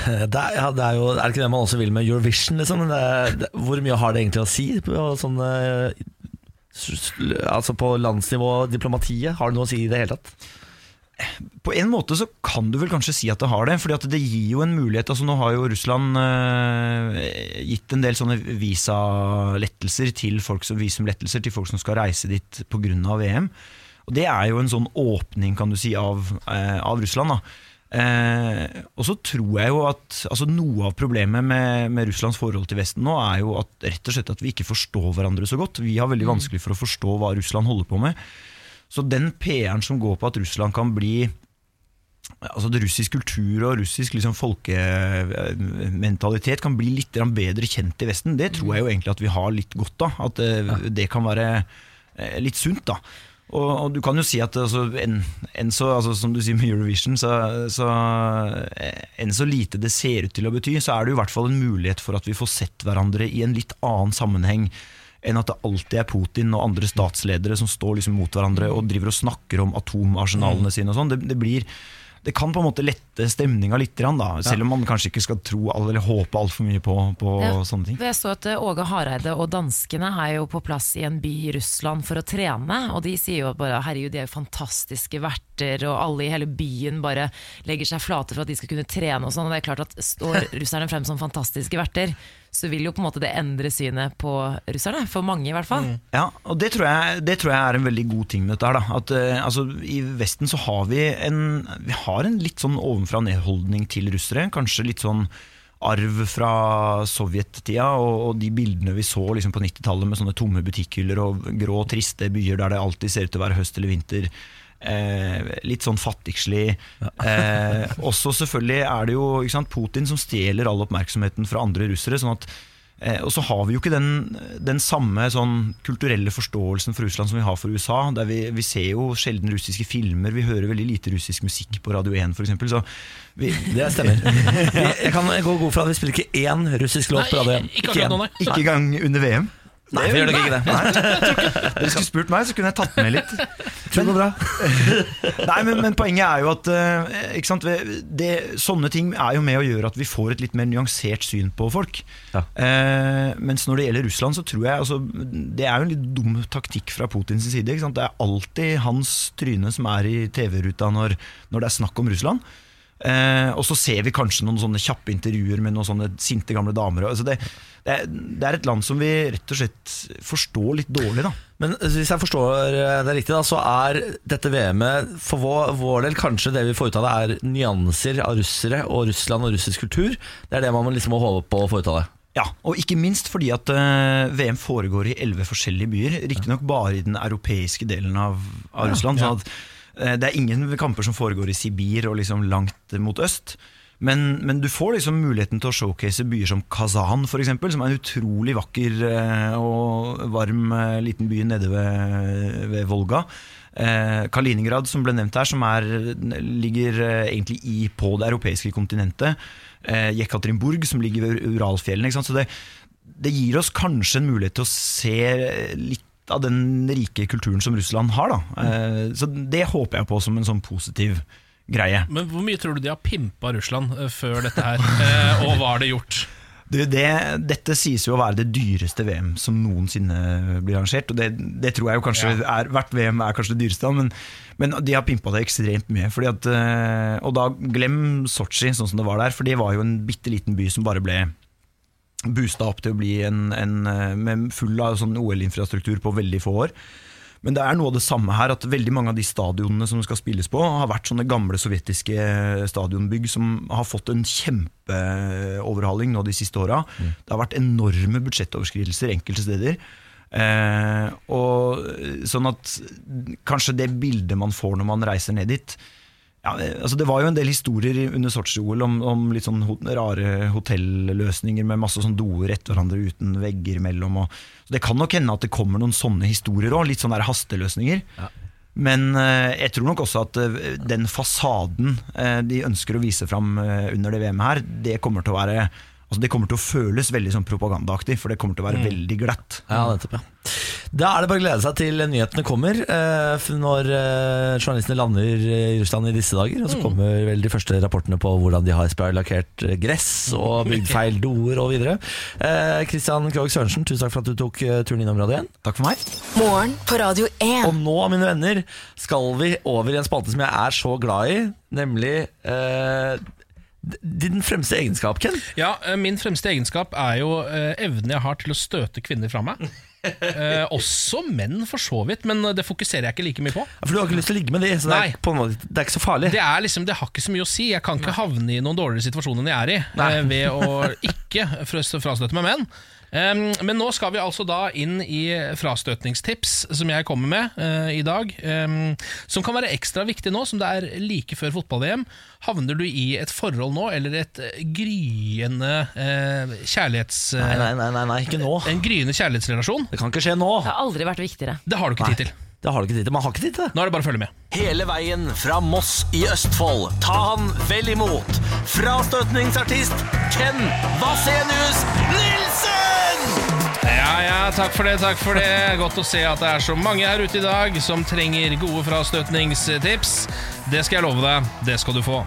I dag, I dag skal det handle om åpnere, altså såkalte åpningsreplikker. Ja. Eh, som eh, pickup-artistene, sjekkeartistene, eh, våre eh, absurde nemesiser, er veldig opptatt av. Eh, I The Game av Neil Strauss, eh, bibelen til alle sjekkeartister, så står det at en åpner skal skille deg fra andre menn. Den skal starte en samtale uten å trenge all smalltalken, men heller ikke avsløre intensjonen din. Altså at du vil hjem og uh, ha sex på henne. Det skal på ikke, henne. ja, det skal ikke komme fram. Du skal ha sex på Ja. henne. eh, Og så st står det også at du må åpne, altså snakke til hele gruppa. Fordi eh, eh, attraktive jenter ofte er sammen med andre eh, folk. Og hvis du bare gir oppmerksomhet til henne, så skjønner hun det. På måte. Ja. Og da, hvis du gir det også til de andre, så blir hun litt sjalu. At det er sånn, du snakker, å, du snakker like mye med venninna mi som meg. Det liker jeg ikke. Nettopp. Mm. Eh, og så er det også veldig, inntrykk, eller veldig viktig, mener sjekkeartisten, å gi inntrykk av hast. Altså at klokka tikker. Av at eh, du har ikke god tid, du skal straks gå. Ja, Men du ja. skal bare ta en... du venner på en annen bar, liksom. ja, og da, for da legger du ned innpå en liten sånn Da har du en slags sånn følelse av at du kanskje glipper mellom fingrene hennes. Så det er veldig lurt. Ehm, så for eksempel en god åpner for en sjekkeartist vil være sånn ja, hei dere. Bare lynraskt innpå her. Jeg må egentlig stikke tilbake til vennene mine, men uh, syns dere jeg ser ut som en dopdealer, eller? Det er klassisk åpner, for da begynner man sånn å snakke om det, så forklarer han hvorfor han lurer på om han ser ut som en dopdealer. Var en der borte som prøver å kjøpe kokain av meg, og syns jeg ser ut som en dopdealer. Ja, nettopp. Jeg gjør seg litt mystisk Ja, gjør seg litt mystisk, så er du i gang med en ordentlig samtale. Da, ikke sant? De har egne bøker med sånne her type linjer eh, for enhver situasjon de måtte møte en kvinne i. Men dette er jo ingen kunst, det vet jo alle. Eh, Hadde det å få mann og kvinne til å ligge med hverandre vært så komplisert, så hadde det jo ikke blitt pumpa ut små Lucaser og Wilfreder fra norske sykestuer som om det var flyers for en drittbar i Syden. Hei! Takk for det. takk for det ja, takk for det. Kunsten her er jo å uh, unngå dette, holde seg alene, og det er her jeg kommer inn. I frastøtningsmiljøet så sier vi at åpnere utelukkende skal fokusere på objektet som skal frastøtes, overse vennene fullstendig. Og understrek at du har all tid i verden. Absolutt all tid i verden. Ja, vet du hva. Ja. Ja, jeg gjør det. Ja, jeg kan også gjerne lede til en samtale, men det må for all del ikke være leken eller interessant. Og du må gjerne røpe intensjonen din. Så det er egentlig mye av det motsatte, da, kan man si. Så her har jeg eksempel med meg én god Den her burde du kanskje skrive ned, for det her er den beste frastøtningsåpneren du kommer til å bli servert i løpet av hele ditt liv. Hei! Ja, du, jeg snakker til deg, ja. Dere andre kan egentlig bare holde på med det dere gjør. Hallo! Ja. Du, det er fortsatt minst to timer til jeg skal hjem. Eh, kanskje tre også, men eh, Nei, du, ikke bry deg, du. Nå snakker jeg med en dame her som jeg er keen på å ligge med. Du kan bare snu deg. Ja, hei! Er du enig at det trekker litt her? Den er er lang, og den er komplisert, men Der den er inneholder alle de elementene du trenger. Absolutt. Det er kanskje den minst sexy jeg har hørt. Ja, Det er nok kanskje den minst sexy jeg har hørt, ja. ja det er ikke sant? Det er Ja, det tror jeg det er. Ja. Men jeg tror nesten du kunne bare sagt det der med at du, du har så god tid. Ja. Eh, og det hadde funket på meg. Ja, vet du hva? Jeg hadde kanskje ja. ikke trengt å si noe mer. Hvis jeg bare kommer bort til deg og du, du, jeg har jævlig god tid. Ja. Der er, der, er, der er jeg tent av, men når du var ferdig med den forrige setningen, så hadde jeg badetiss. Skjønner du? Ja, ja, der ser du! Så den var så bedre. effektiv er den. Var bedre. Så effektiv er den. Ja. Kaldt vann. Ja, den var helt Kaldt, kaldt det her, Man må selvfølgelig improvisere også her. Det er jo ulike settinger man kan havne i eh, her, så man burde hele tiden vite hva er det mest frastøtende jeg kan spørre om i denne situasjonen. Det er veldig ofte det eh, du tror at denne kvinnen har blitt spurt masse om. Ja. Ja. Du ser noe veldig åpenbart. Sånn som eh, Jeg måtte frastøtte Astrid S, popstjernen, en gang. Eh, jeg møtte henne på et Spellemann-nachspiel. Eh, og da hadde hun Jo, Jeg, jeg vet ikke om du måtte frastøtte det. ja, Det jeg, jeg hadde jeg veldig følelsen at jeg måtte gjøre det. Eh, Vi havna i en situasjon hvor vi var nødt til Må ikke le av det, Niklas. Det skjedde jo. ja, eh, Vi havna i en situasjon hvor jeg forsto at nå er vi nødt til å prate med hverandre. Da må jeg prøve å få frastøtt dette, uten at det blir noe mer, Ja. mer jugel rundt det. Rett i frastøtning. ja. Rett i frastøtning. Ja. Og da sto hun der, og så sa jeg Hei, der, ja, der er du, sa jeg. Som er genialt av meg, Fordi da viser jeg allerede der at jeg vet hvem dette er, og er egentlig litt satt ut av at hun er der. Ja. Det Det funker er en også. kjempegod start. Ja. Og så fulgte jeg opp med Ja, du, kult, du vant Spellemann, da. Kult det, da. Eh, for det hadde hun nettopp gjort. Ja. Og da, Dette var fire timer inn i nachspielet. Ja, det vil si ja, ja, ja. at hun hadde gått rundt og snakka om dette nå i seks-sju timer. Veldig bra. Utrolig lei. Du er meget god. Det var Mm. ingen sjanse for at du skulle ligge med Astrid. Nei, nei, vet du hva det, Fantes ikke. nei, Det nei, nei, nei. sørget du for, på en måte. Ja, ja. Jeg tror ikke det var noe snakk om det i utgangspunktet, men det er greit. Eh, Altså, Man må ut og trene. Det er noen som har naturlig frastøtning i seg, og Ken er jo en av de. Ja. Uten å tenke over det, så frastøtter han over Ja. en lav sko. Det er veldig bra, Ken. Og Du er god, altså. så sa jeg til henne jeg skal være her i minst to-tre timer til. sa jeg. Bam! Snakkes! Nei, altså, og da hadde hun gått videre. Ja, da var hun allerede gått videre. For du ropte Det ropte jeg bare inn i liksom. lokalet. Jeg blir her lenger! Jeg blir der! Jeg blir der hele uka, jeg. Faen, du er god på Ja, jeg altså. er jævla er god. Her er jeg genial. Det er ikke alle som er like gode som meg, men litt uh, trening, så Nei, altså, jeg har aldri møtt noen som er på det nivået du er. Det er helt internasjonalt. Det er Ja, det er internasjonalt. Morgen på Radio 1. I går var en stor dag for TV 2, for da annonserte de artistene for denne sesongen av Hver gang vi møtes. Ja. Ah. Dette TV-programmet hvor kjente og kjære artister treffes på en gård, eh, spiser middag, drikker vin og covrer hverandre. Og griner. Og griner og griner og griner og spiser masse masse mat og drikker masse masse vin og griner og griner og griner og covrer og covrer og covrer foran en vedstabel. Ja. Det er altså så populært, eh, og etter eh, ganske mange sesonger nå, så har de igjen sluppet en ny rekke med artister som skal være med. Har dere fått med dere hvem som skal være med? Jeg jeg har sett delvis på det. Bettan er med. Bettan er med. jeg? Jeg synes Det er kjempebooking. Ja, ja. Bettan er med. Det samme er Maria Haukås Mittet. Jeg føler liksom hun har vært med allerede, nesten. Eh, Ja, det gjør jeg. Men flink til å synge, da. Absolutt. Eh, og så er det Sol Heilo. Hmm, hvem er det? Aner ikke. Okay. Sol Heilo. Ja, Sol, Sol Heilo. Eh, men det skal jo være med noen som vi ikke vet hvem er. Sol Heilo er komponist, artist, musiker, musikkprodusent, arrangør, designer og kostymedesigner. Sol har gjort internasjonal karriere med bandet Katzenjammer. Å ja! Okay. Ja. Det er ikke. Og spilt for fulle konsertarenaer. I tillegg til det så er Tom Mathisen med. Han kjenner vi jo. Ja. Han er jo da komiker, musiker, skuespiller. Eh, hadde jo en eh, veldig stor periode med Primavera og Jahn Teigen, blant annet. Ja, er kjent for veldig mye, men eh, jeg tror nesten akkurat i disse dager så tenker folk på at han er fortellerstemmen i Brødrene Dal. Ja. Det er- Tom det er den han Mathisen. lever på nå, ja, liksom, det er det fortsatt. han driver med. Ja, han har, ja. Jeg gir han Primavera, jeg, da. Ja, da, ja, det er hyggelig, det. da Han er god der òg. Og så er det altså broren til Bremnes. Lars Bremnes. Nei, det er ikke Er broren, ikke det broren? til Kari Bremnes, er det det? Jo, det? det må være det. Å, kult. Tror det, altså. Broren til Kari Bremnes. Ok. Jo, jo, det er broren til Kari Bremnes. Ja, ja, ja, ja. Eh, han, jeg ble så usikker, du hørtes så Nei, altså, jeg, jeg vet jo ikke noe Nei, om det, så jeg okay. spurte bare. Bra, for da kan jeg fortsette med at han er broren til Kari Bremnes. Han er tekstforfatter, låtskriver, visesanger og har drevet med eget band siden 1991. Han er den minst kjente Bremnes, da, kan Ja. du si. Ja, ja.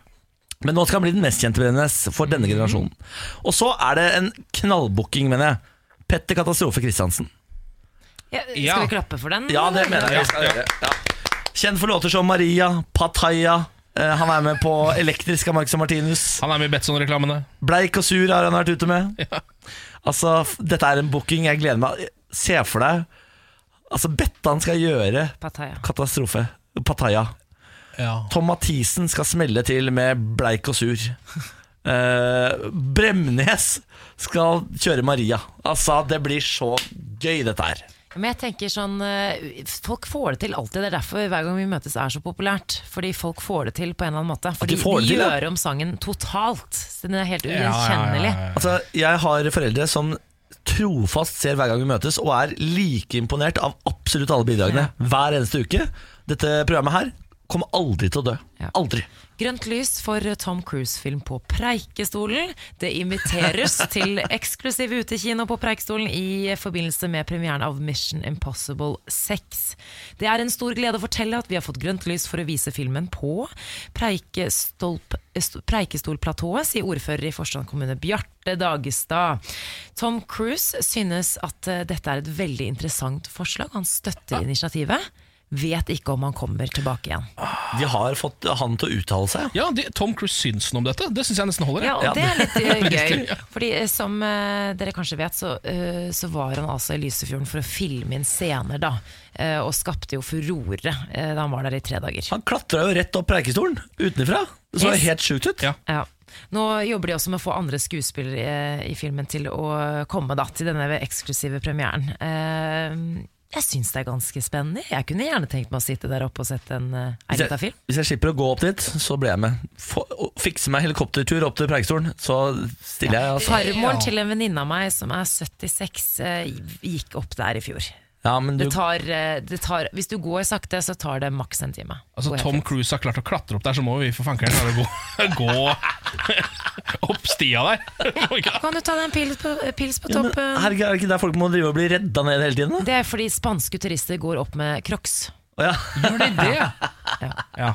Det er en veldig det, det, jeg, vet du, jeg tror faktisk du hadde klart det. Tror du det? Mm. Det håper jeg. Altså, jeg er i så dårlig form, men hvis en dame på 74 klarer det, Ja, da skal jeg også klare det. Ja. Ja. Ja. Det fikk jeg litt lyst til å dra på. Der kjente jeg En eh, god utflukt. Nå lokalstoff fra Telemark. Vi følger, følger jo Telemarksavisa eh, hele denne uka gjennom eh, vår spalte Morgen på Radio 1 Aviser av Norge. Um, vi har vært innom saker som Anders som mista telefonen sin fra flyet, men fant den helt uskadd igjen. Helt ja, er- sinnssyk Ja, historie. helt vill. Mirakelhistorie. Eh, og så har vi også saken om Liv, som bare skulle reklamere for ost, men ble sensurert av Facebook. Selvfølgelig. En uh, ikke like glad sak. Nå har jeg denne saken til dere. Ja. Jeg tror ikke snøhaugen er borte før neste vinter. Til tross for solskinn og rekordtemperaturer i seks uker, ligger den gigantiske snøhaugen ved Nordic Garden der fortsatt. Husker du snøhaugen ved Nordic Garden på Berganmoen i Lardal, ikke langt fra fylkesgrensen ved Steinsholt? For to måneder siden målte den et sted mellom 12 og 14 meter, og ble en lokal snakkis. Nå er høyden redusert til om lag 6 meter. Alle hos oss har et forhold til den snøhaugen. Jeg tror ikke den er borte før neste snøfall, altså til neste vinter, smiler Roy Bonnegolt, daglig leder ved Nordic Garden AS. I gangen ved spiserommet henger ei liste med de ansattes beste tips på når snøhaugen er forsvunnet fra jordens overflate. Bonnegolt selv tror den blir liggende fram til neste vinter, og hele fire andre på bedriften tror det samme. Ellers er datoene fordelt fra tidlig juli til september. Kollega Dan Henriksen har troa på 20. august. Det er basert på vill gjetting, sier han. Ålreit, den. Den er, den er ikke dum, altså. Den er ikke dum. Den er ikke dum, Men det skal lages, det skal lages innhold, og det gjør det i Telemarksavisa. Ja, Ja. eh, og en av de største kjendisene på Berganmoen i Lardal, ikke langt fra fylkesgrensa ved Steinsholt, er da en snøhaug. Ja, tenk det, da. Av det vakre landet vårt, altså. Ja. Jeg kan informere om at Ole Kristian har gjort meg oppmerksom på at vi glemte Trine Rein. Har vi glemt Det har vi Trine Rein? snakket Vi må jo aldri glemme Trine Rein! Nei, men i alle- Trine Det Rein har er vi også med. snakket om Ja. hver gang vi møtes. Trine Rein er også med hver gang vi møtes. Ja. Trine Rein gjør Petter Katastrofe. Det blir litt av en høst. Det blir litt av en høst på TV 2. Morgen på Radio 1. Hverdager fra seks.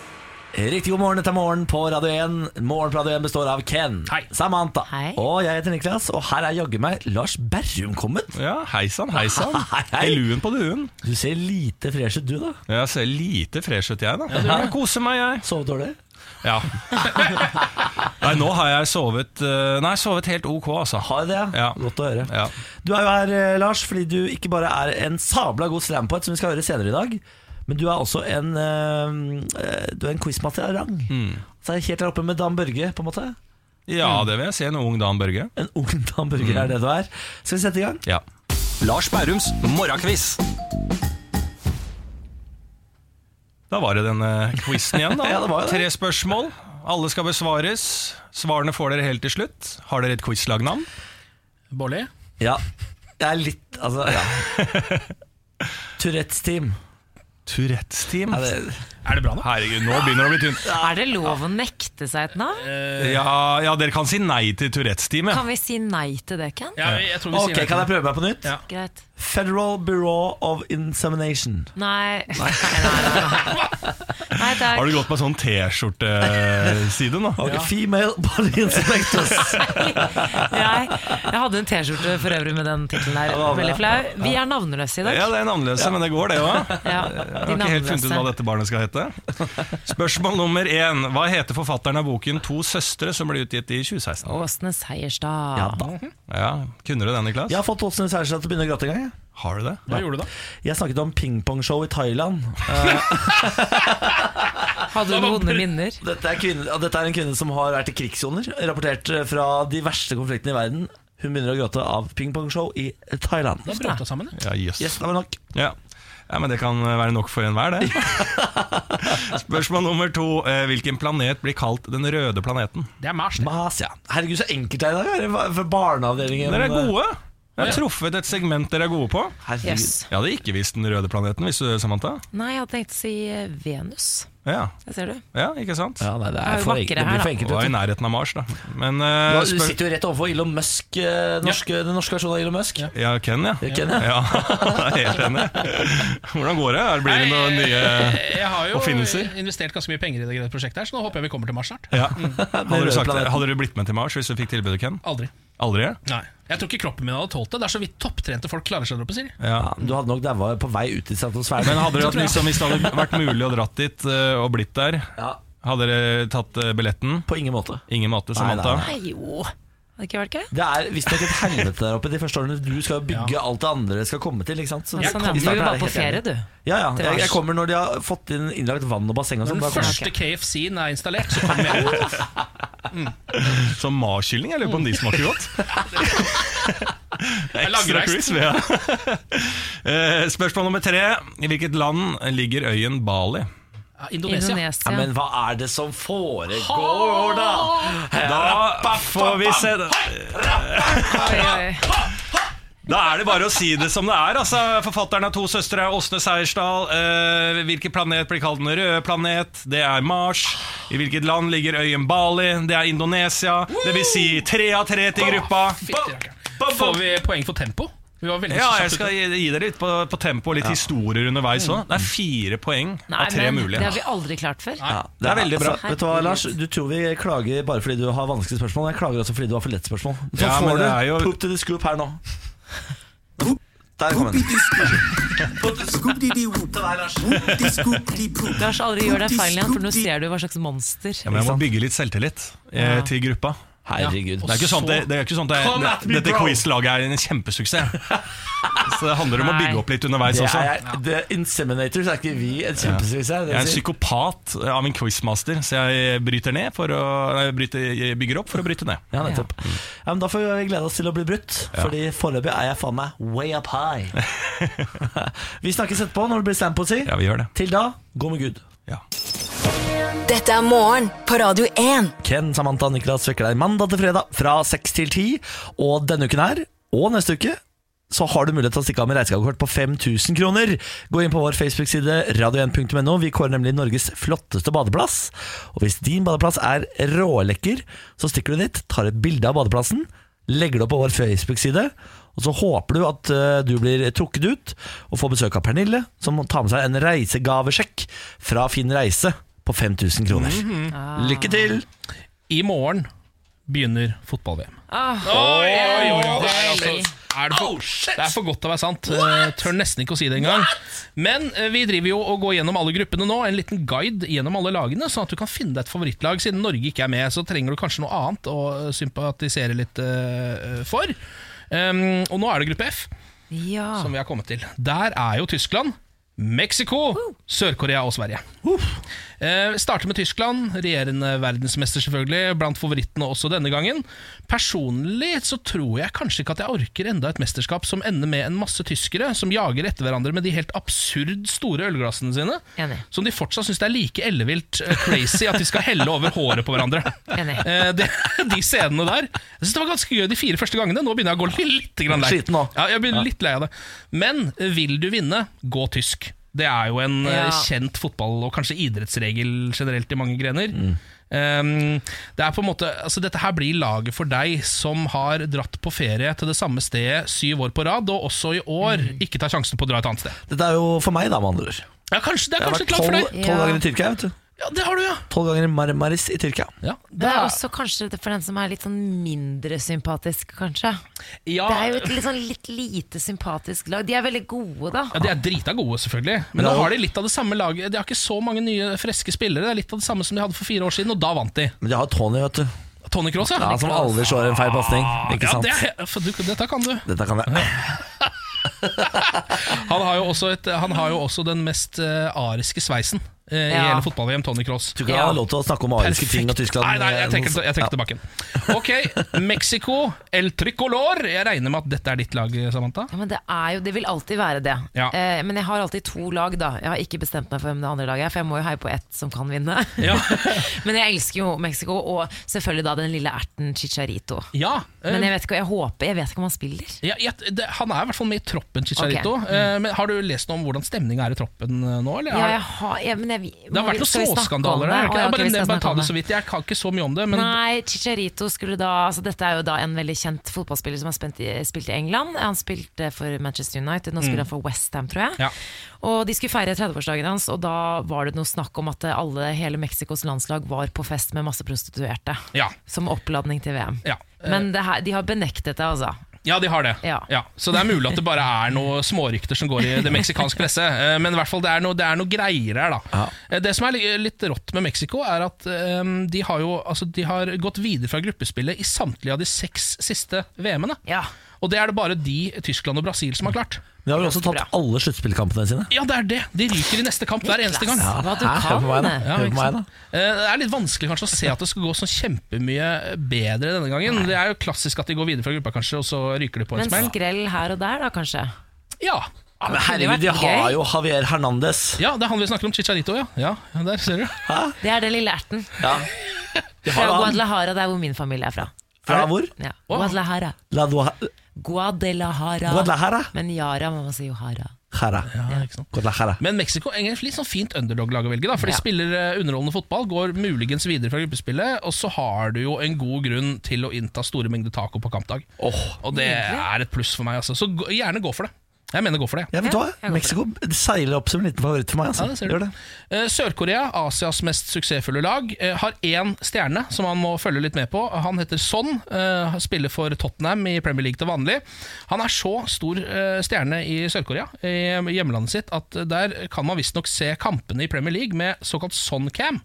Altså som følger han. Følger det han driver med til enhver tid. Og han skårer faktisk en del mål også. Eh, Allikevel kanskje ikke levna de helt store sjansene til å gå videre. Jeg ville styrt unna. Styr unna. Ja, jeg ville styrt unna. Og så har vi jo Sverige, da. Eh, For første gang på evigheter uten Zlatan Ibrahimovic, eh, den store Åh, snakkisen. kjedelig. Det syns jeg også er litt kjedelig.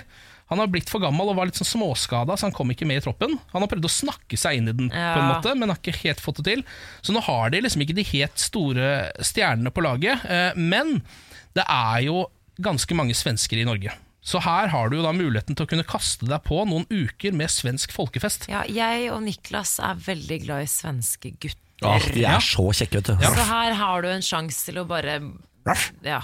Ja, Ja, ikke sant? Hvis de gjør det bra og vinner noen kamper, så er det kanskje verdt det. Fordi da kan du henge med folk eh, fra Sverige og late som du er svensk, nesten.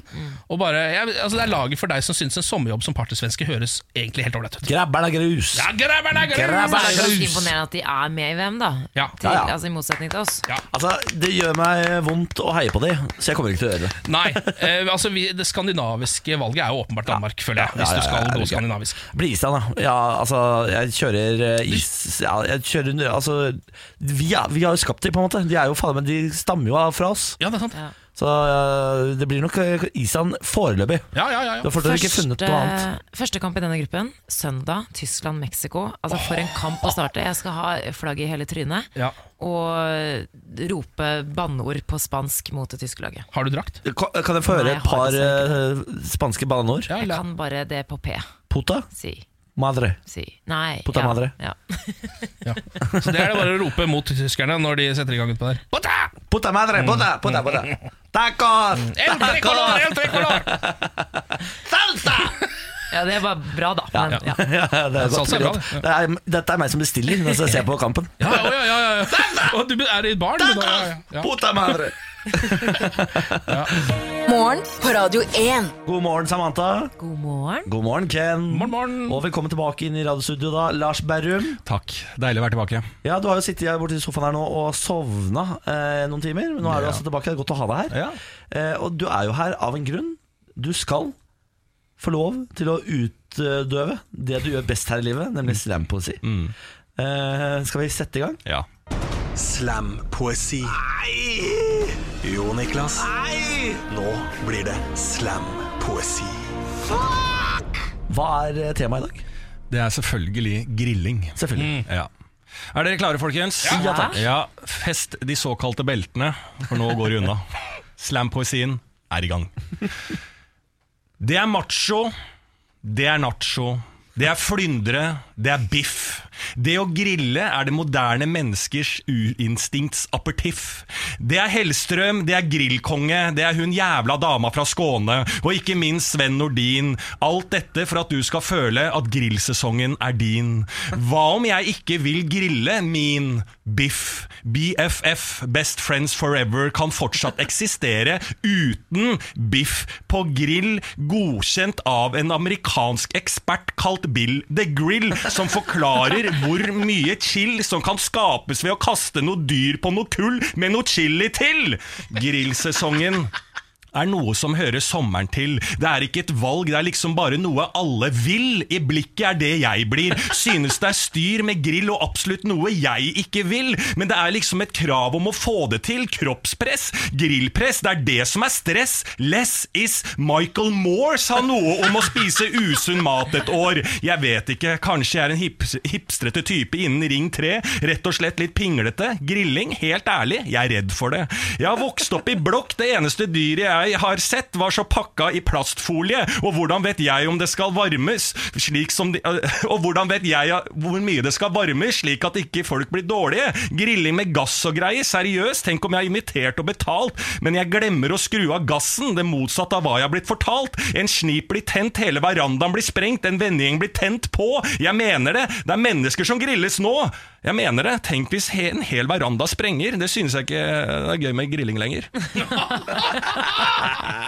Ja, det Ja, det er jo altså rein poesi. Ja, det er virkelig poesi, ja. Det er slam. Poesi, ispedd slam, ja, ispedd litt slam. Ispedd slam. ah, Lars Berrum, du er nå et unikum, du. Ja, absolutt. Eller det er jeg ikke, men jeg er eh, verdens beste i slampoesi. Ja. Ja. Den spesielle fyren i klassen. det er du. Eh, Det var en glede som alltid, Lars. Veldig hyggelig. Vi ses igjen i morgen. Ja. Nå blir det Ina Rolsen. Dette her er Strongest i morgen på Radio 1. God morgen, Lars. Takk. Bare hyggelig. Morgen på Radio 1. Og god morgen, Pernille. God morgen. Velkommen på arbeid. Takk skal du ha. Og du har valgt altså perfekt tidspunkt å komme på jobb i dag. Det stemmer. Fordi vi er jo en matglad gjeng. Ja. Jeg tror vi er det radioprogrammet i Norge som snakker mest om mat. Eh, og vi har i den anledning eh, bestemt oss for å ta litt ekstra fokus på mat nå i sommermånedene. Ja. Eh, på fredager så har vi en smakstest. Vi har allerede testa eh, isnyheter og sommerøl. Ja. Eh, men så har vi prøvd å få tak i den store hypa nyheten alle har snakket om, nemlig skyrisen. Ja, Det er sommerens mest kontroversielle is. Uh, skyrisen den eh, ble sluppet til eh, dunder og brak for uh, et par uker siden. Eh, og så trilla eh, Dagbladets smakspanel terningkast én på hele isen. Allikevel så har den solgt ut i løpet av rekordtid, og det var helt umulig for oss å få tak i den. Ja. Vi har tenkt å teste denne for lenge siden. Eh, var innom samtlige butikker i området her, fant ingen. Vi Og til og med i andre byer og lette. Men Ja, altså, altså- den ser ganske sunn ut. Altså, det er sikkert derfor den raste ut. Ja. Den er kjempesunn. Vi måtte til Elverum, det var det stedet som hadde skyris. Ja. De er ikke Eh, så sunne der. Men så fant vi ut at det blir vanskelig å frakte den fra Elverum ned. Vi hadde bare en vanlig personbil, så det måtte vi drite i. Så da tok vi kontakt med Kumeieriene, Ja. som lager skyr, Ja. og sa er det mulig å få tak i litt skyris, da, så vi får testa de greiene her. Ja, fordi altså, Folket elsker den, anmelderne hater den. Skal vi se om vi er en del av folket eller anmelderne? Det er akkurat det. Nå skal vi ta en liten forbrukertest. Vi Men har da en med salt karamell og en med jordbær. Hvem smaker vi på først? Skal vi begynne med eh, Hvilken har du begynt på nå, Samata? Eh, oi, ups. Har du begynt? Har du startet? Jordbær? Startet du på Starta på jordbær. Ja, da begynner vi på jordbær. Ja, da starter vi Ja. jordbær. Ok. Den er altså laget av skyr. Denne rare Er det en islandsk yoghurt? Jeg har aldri helt skjønt. ja. det er. Mm. Det står original islandsk yoghurt. Ja. Jeg, Tingen er at jeg husker dere softshake? Eller dere vet Ja. hvilken is det er? ja, ja. Det er den beste sånn type jordbærisen jeg vet om, i hvert fall. Den her når ikke helt opp i mine øyne. Nei, men den er ikke så langt unna, eller? er Men er ikke dette bare kald eh, Ja. skyr, da? Jo, det den er er, på en kanskje måte, den er, det, er, det er godt, men det er så vondt. På en måte. Det, er sånn, det, gir, det er den der vonde vonde skyrsmaken i munnen Det som blir er sånn sånn tørr i tørr. Mm. Men eh, ja, Så det er på en Ja. måte god smak, men tørr ettersmak, og det trekker ned for min del. Men det er jordbæret som er deal-breakeren for meg, for jeg syns ikke jordbæris er noe særlig i det hele Nei, tatt å ikke begynne med. Ja, hvis du sammenligner den med andre jordbæriser du har smakt så, Så syns jeg det er helt ålreit. Ja. Og det, med tanke på at den er sunnere enn alt annet, og den er, for dere som trener, så er den proteinrik. Eh, så det, hvis, det, hvis man er fitness-guru Mm. i Kari så er det bare å ta med seg en av disse her ned til Aleppo. Skal vi Ja. prøve den andre? Ok, Skal vi først, øh, først kast, lite terningkast på øh, må- jordbæris, eller? jeg spiste en softshake jordbær uh, for bare to dager siden. Det kan ikke sammenlignes. Jeg beklager uh, terningkast tre fra meg. Tre, ja. Jeg hiver en firer. Jeg syns det var overraskende lik vanlig is. Vet du hva, Jeg tror jeg hiver en toer, faktisk. Ja, vet du hva? Jeg ser din firer og går til fem, fordi den er såpass sunn at det trekker opp alle de negative sidene Men? Niklas, er du sunn? Nei, men jeg anerkjenner at min kjæreste kommer til å sitte og spise dette her i hele sommer. Og da er det bedre at du liker det. Så Det når du må kline, så blir du også tørr i munnen? Det er Liksom. riktig, så det skal være to tørre kjefter som møtes. Ok, Oh, Nå går vi over til uh, smaken salt karamell. Ja. Det står her en smart og kremet is. Det står det på begge. Hvorfor Hvorfor smart? Dette er bedre.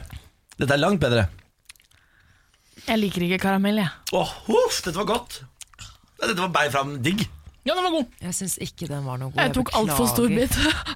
Jeg syns ikke den smakte så mye. Å, syns du ikke det? Jeg, jeg, da må du ta en bit til, for jeg fikk meget, meget mye, mye smak. kaffe, karamell og Mm. tørr papir. Altså, den det var kjempegod. Ja, nå så jeg det lå en sånn dæsj med karamell inni Ja. der som ikke jeg fikk på første. Ikke sant? Og da treffer det. Oi, nå, nå satt den! Ja, det er det. Det er en smakseksplosjon i munnen. Det smaker mye karamell, faktisk. Ja, veldig. Vet du hva? Jeg tror ikke jeg kommer til å bli en av forbrukerne av Skyris. Det må jeg bare si med en gang. Nei. Vet du hva? Jeg syns eh, Jeg beklager, jeg syns virkelig ikke det var godt. Jeg har aldri hatt mer lyst til å være fitnessguru jeg, enn når jeg spiste den karamellisen her nå. Ja, Jeg må faktisk skylle på en måte, smaken ut av munnen. Jeg Ja, beklager ja. Altså, jeg liker vanlig skyld, det skal jeg si. Men, ja, ja, men det er helt godt. lov, det. Jeg triller en femmer på karamellen. Jeg synes den var en toer for meg. Men jeg, jeg, jeg, tror vi, vi er ikke helt objektive, jeg, Pernille, for Nei. ingen av oss er noe særlig glad i karamell. Nei, Nei. Karamellen får seks av meg, altså. Jeg elsker karamellgodteri. Jeg tror egentlig mitt problem også er at jeg ikke er så glad i fløteis. Ja, det- Jeg liker saftis. Jeg er en saftis... ja, ja, ja. eh, Du liker egentlig ingen av de ingrediensene som er Nei, men jeg kan sette veldig Jeg kan sette pris på en god sjokoladekule. Ja. Ja, ja, Eh, da- Så jeg vil jo ikke si at jeg er helt Men du er som, det er som å ansette en, eh, noen fra Juvente til å være vinanmelder, liksom. Ja, det, blir litt sånn. Det går ikke. Men sånn. jeg elsker fløteis, jeg, så jeg er litt mer eh, objektiv der. Ja. Men hvis man tenker på en måte på sunnheten eh, som kommer opp i dette, er det verdt det å ta den isen, eller er det, spiser man såpass lite is uansett at det Spis jordbær istedenfor. Eller spis saftis som bare renner gjennom deg. Samme som å dra på Mækkern og spise salat. Jeg kommer til å spise ikke. så mye kyr i salt karamell. jeg. Mm, åh, det er godt. Tenk at du likte Spiser så rett godt. fra boksen. Fra boksen Kanskje Hanne. Skal ha, Niklas? Det er ikke min For å oppsummere så er vi altså like delt som uh, alle der ute. Ja. Men det er litt en- fint, da, egentlig. Ja, vi er det. Det er Men vi like skal, ta med oss, vi skal ta med oss at du og meg, Ken, Vi er folket. Ja, vi er folket. Og de er fiffen. fiffen. For dere treffer anmelderne, vi treffer folket. Men jeg har alltid hatt lyst til å være en anmelder. Det, jeg kan, vi, Ja. Min drømmejobb i verden er å være sånn hotell- eller matanmelder. Ja, er da. Mm. er jeg skikkelig fornøyd. Og det, at vi er, eh, og det at vi er stemmen til folket, det tror jeg ikke forbauser noen. Dere snobber oppover, vi snobber nedover. Men igjen, ja, men det her er jo treningsproteinisen. altså dette er eh, slankeisen. Så sånn sett så er det jo Vi er jo jordslankere, ikke sant? Jeg er på lag med alle som ikke liker å slanke seg. Ja, Ja. det er jeg òg. Det er egentlig jeg også. Sånn sett kommer jeg, altså jeg kommer aldri til å trenge å spise den isen. Jeg. Det, er derfor, det er derfor jeg gir den så god karakter. Da gir vi den eh, en eh, jevn eh, firer, da. Totalt. Tre til fire. Ja, Tre til ja fire. det kan vi lande på. Dette er morgen på Radio 1. Eh, jeg skiftet på senga i går, som jeg ofte gjør. Ja, det, det var det er. Fordi at jeg er ganske streng på det å skifte på senga. Men så begynte jeg å søke etter sånn Hvor ofte skal man vaske dyner og puter og sånn? Må aldri søke Eh, sånt. og så lurer jeg på hvor ofte vasker dere dyner? Jeg har aldri vaska dyna mi. Nei, ikke heller. Nei, jeg, vet du hva jeg gjorde faktisk for første gang for en måned siden? Fordi jeg kom over en sak hvor det Ja. sto sånn Helt sjukt ofte. Jeg hadde ikke gjort det på sånn fire år. Jeg har aldri vaska dyna. Jeg har sikkert hatt den i sju år. Ja. Jeg tror jeg også har hatt min i sånn fire-fem år og ikke vaska den. Jeg tror det er sånn, jeg husker at mamma vaska en dyne hos meg en gang. Eh, men det kan også være tolv år siden. Men jeg, jeg har hengt dyna ut ved flere anledninger, for jeg har tenkt sånn dette dreper midd på vinteren og sånn. har jeg hengt den ut. Ja, det gjør du, ja, for det, det sier du at du skal, du skal lufte den på en måte helst i åtte timer om gangen da, på vinteren. Eh, både overmadrass, dyner og puter, og putene skal vaskes fire ganger i året. Nei, men ja. Fordi puter ødelegges jo av vask, føler jeg. Eller sånn, Den blir aldri helt det samme. Du må ha tørketrommer, sånn at du får Ja. vifta opp de der Ja, for den eh, blir helt sånn, helt sånn tom. Den blir bare en en Ja. liten dott inni der. De fjæra blir så våte og legger seg bare på én side. Og så Uansett hvor mye den tørker, føler jeg, så blir den aldri helt det samme igjen. ha Og så må du være forsiktig, Fordi det, du kan også åpne på vaskemaskinen, og så bare kommer det sånn dunfest ut. Dunfest. Ah. Altså, sånn det der, er alle fjærene dunfest. Ja. Men det er på en måte Uansett hva man gjør med den, så er det litt sånn som i Game of Thrones med Jon Snow. Når han, ja, dette er spoiler alert, men han dør på et tidspunkt.